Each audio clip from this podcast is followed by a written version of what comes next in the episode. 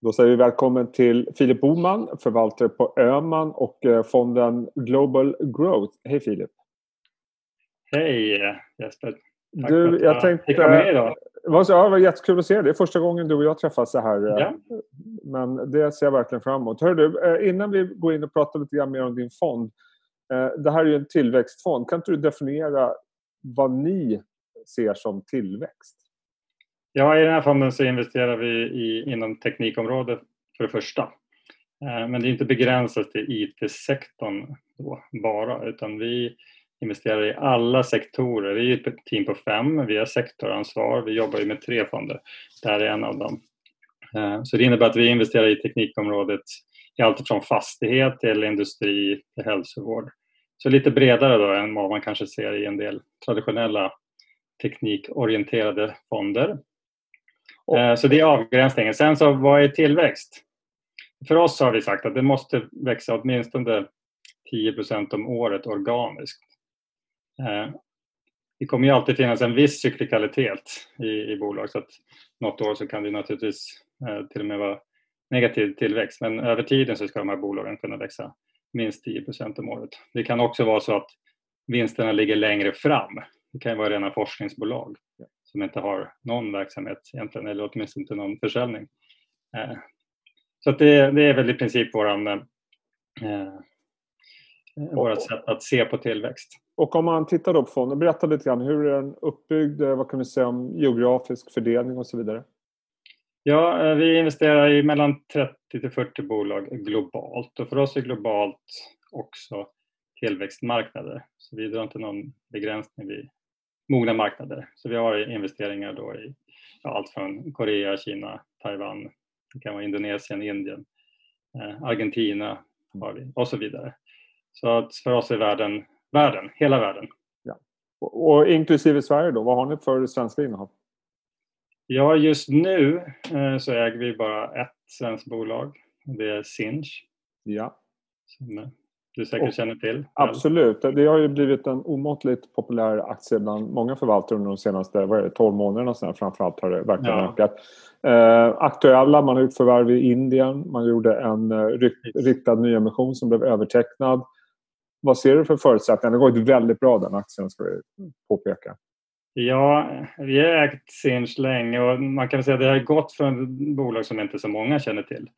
Eh, också kanske många ifrågasatte lite grann sådär, skicka ut lite sms till folk och, och så. Eh, finns det någon liksom möjlighet att tjäna mycket pengar på det här?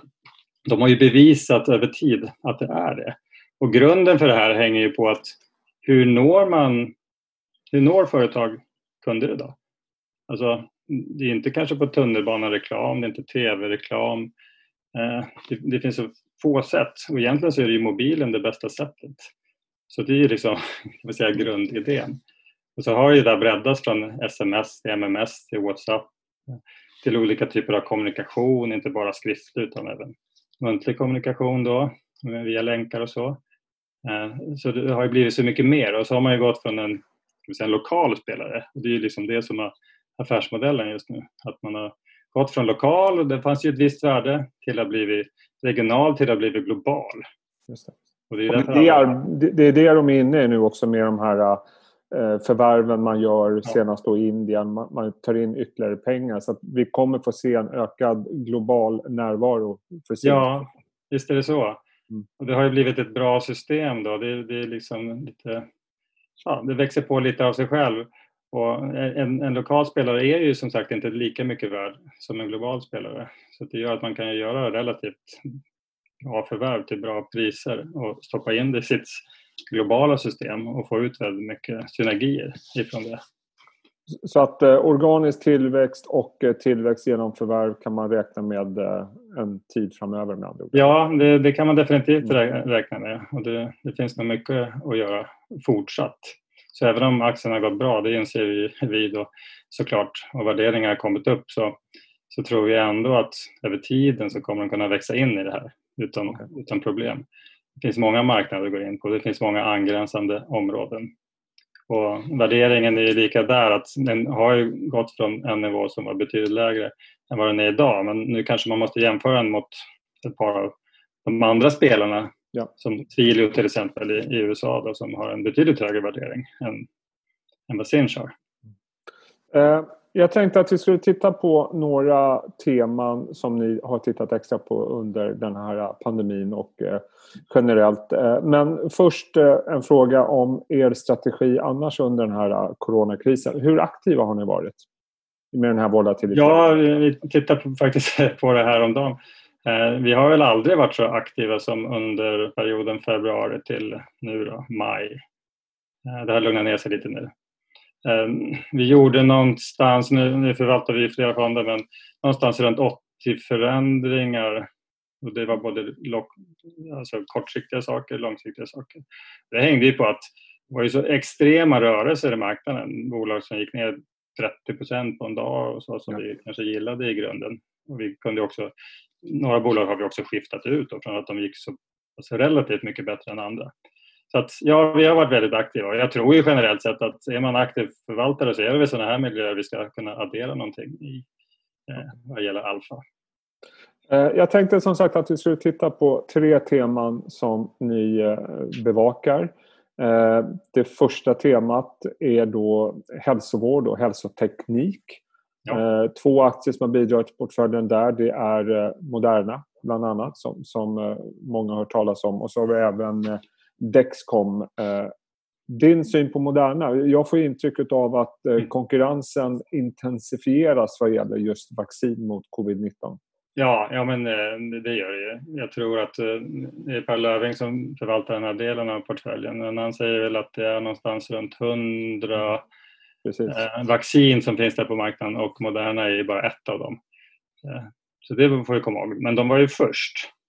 Och det som egentligen är intressant med bolaget från början är att de har ju lite en form, det här är en ny teknik som de använder sig för att ta fram eh, vaccin och det är inte bara vaccin som de jobbar med, det är alla typer av infektionssjukdomar och så.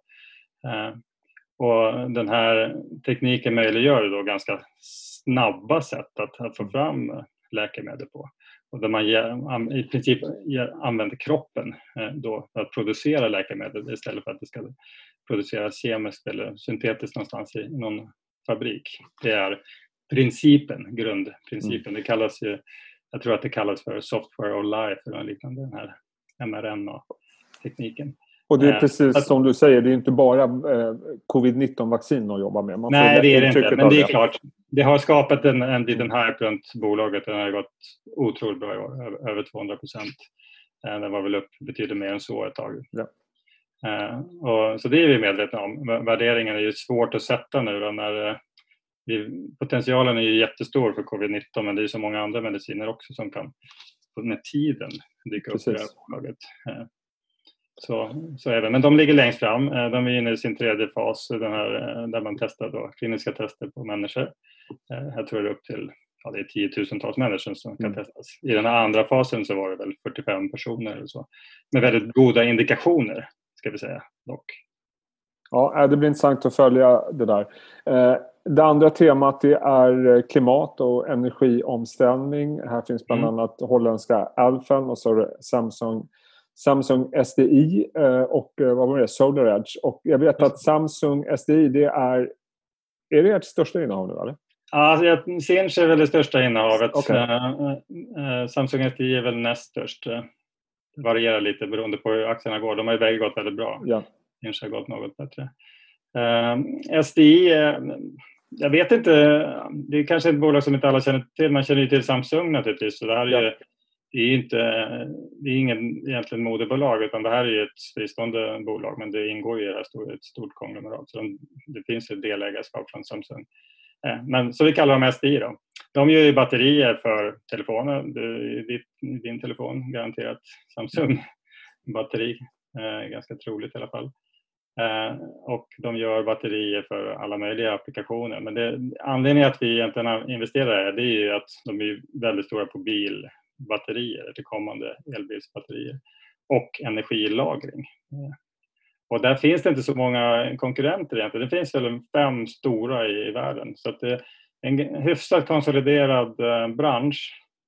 Och det beror lite på att efter, kund, kunderna i det här fallet är bilar och det är väldigt långa processer. Man kan inte liksom jobba med 20 olika och det, det, det är så mycket som måste fungera. Mm. Eh, och det, det, man sätter människors liv på spel många gånger. Så att därav har det varit lite svårare att slå sig in och Samsung SDI är en av dem. Och bolaget har ju inte varit lönsamt i den här delen men de är precis på väg att bli det. Så att. Från början var inte aktien speciellt dyr för det hade den andra verksamheten som ändå gav vinster. Nu exploderar försäljningen och marginalerna är på väg från minus då till positivt så det kommer slå väldigt kraftigt på vinster de närmsta åren. Och hur mycket av det här är prissatt då i aktien? Den här vändningen? Alltså, vi tycker inte det är speciellt mycket. Eh, om du ser på price to book så har den ju gått från att handlas på price to book på 1 till säg att den är 1,8 eller något sådär idag. Mm. Eh, men det är inte så extremt direkt för att man kan se det nästan som ett techbolag. Eh, och vinstnivån, om vi ser P tal ligger väl på P25 eller sådär men, men då, då ser vi alltså vinsterna ska ju komma nu. Ja. Eh, och vi ser också försäljningen rimligtvis kommer att fortsätta i ganska många år. Så det är ett av de bolagen vi Alltså man kan ha väldigt länge om man tror på den här branschen. Jag vet inte hur många elbilar som säljs idag. Det är väl inte mer än ett par procent eller så av, eh, av bilmarknaden. Eh, av rena elbilar. Eh, hybrider kanske något mer. Eh, och den ska väl bli 100 procent inom 20 år i alla fall och garanterat 50 procent inom 10 år. Intressant. Och eh, sen har vi då den eh, sista eh, temat och det är väl det som har fått nästan absolut mest uppmärksamhet under våren. Det är digitaliseringen och eh, arbeta hemma. Här finns ja. bland annat Amazon som har gått eh, otroligt starkt. Vi har Citrix, eh, Sinch är med på den här listan och mm. eh, Nvidia har vi pratat mycket om. Men vi har också det här bolaget som heter Globant. Uttalar man ja. så?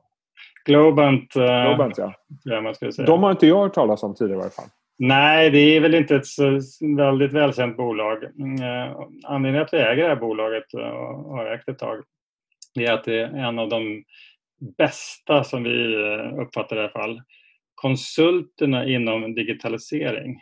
Eh, okay. Och, och, det är inte bara en konsult som erbjuder tjänster utan de jobbar väldigt mycket med mjukvaruverktyg. Då.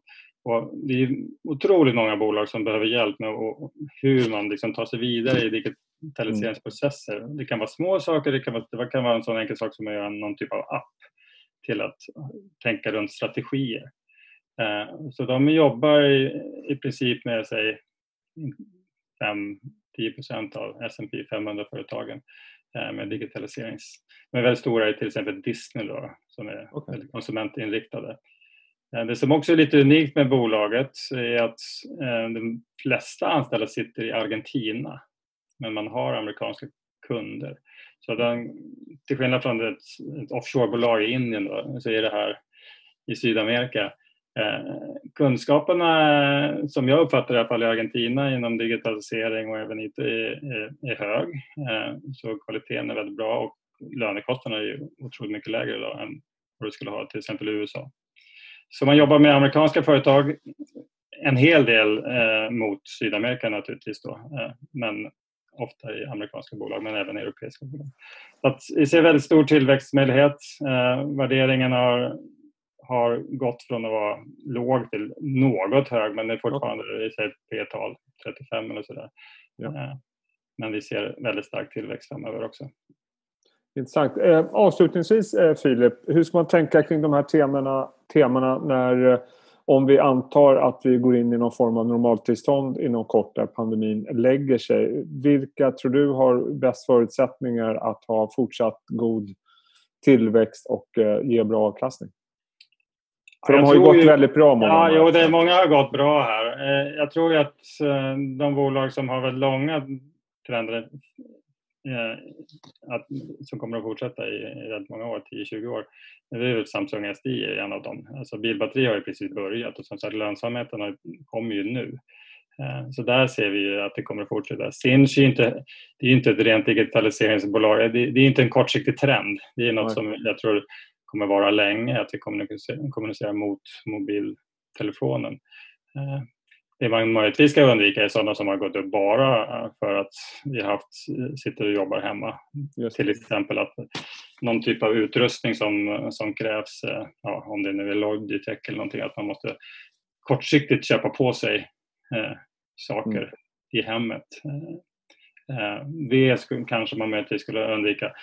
Alltså Zoom, ja, vad ska, vad ska man säga om den? Vi äger inte Zoom, men vi har tittat på den flera, flera gånger. Hyggligt hög värdering va? Det är en väldigt hög värdering. Det finns en fantastisk potential säkert och så. Men, men det är väl typ ett sånt bolag som har gått extremt bra i den här korta perioden nu från årsskiftet till nu. Kanske man ska undvika lite grann. Eh, så vi tror på de här bolagen som kommer fortsätta efter, eh, efter att vi går in i ett normaltillstånd igen. Ja, eh, det blir intressant att se. Vad kul att få snacka med dig Filip. Tack för den här inputen och jag önskar dig allt väl och sköt om dig. Ja, men tack så mycket. Och glad midsommar får man säga. Ja, glad midsommar. Ja. Ha det så bra. Hej då. Hej.